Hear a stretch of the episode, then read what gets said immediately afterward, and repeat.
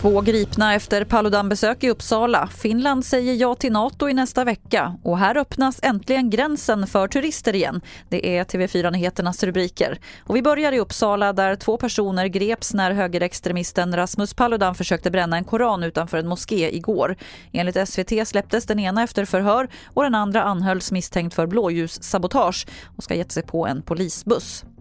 Allt mer talar för att Sverige och Finland kommer att ansöka om medlemskap i Nato samtidigt. Och Finland väntas säga ja redan i nästa vecka enligt uppgifter i finska medier. Vi kommer ju betydligt närmare ifall Finland bestämmer sig för att eh, skicka in en ansökan. Det har man ju sett dels i svenska opinionsundersökningar där allmänhetens stöd är, är upp mot 60 procent eller högre i, i det scenario där Finland har bestämt sig för att söka. Det sa Jakob Westberg på Försvarshögskolan.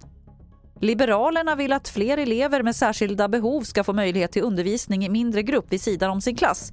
De föreslår 2 miljarder kronor i extra pengar till särskilda undervisningsklasser under de närmaste åren. Partiledare Johan Persson.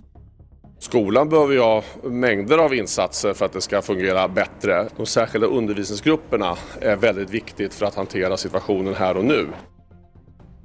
Och till sist kan vi berätta att idag öppnade Nya Zeeland gränsen för turister från runt 60 länder, bland dem Sverige, efter över två år med en av världens striktaste gränsrestriktioner på grund av pandemin. Turister som vill till Nya Zeeland måste vara vaccinerade och testa sig både före och efter ankomst. Fler nyheter hittar du på tv4.se. Jag heter Lotta Wall.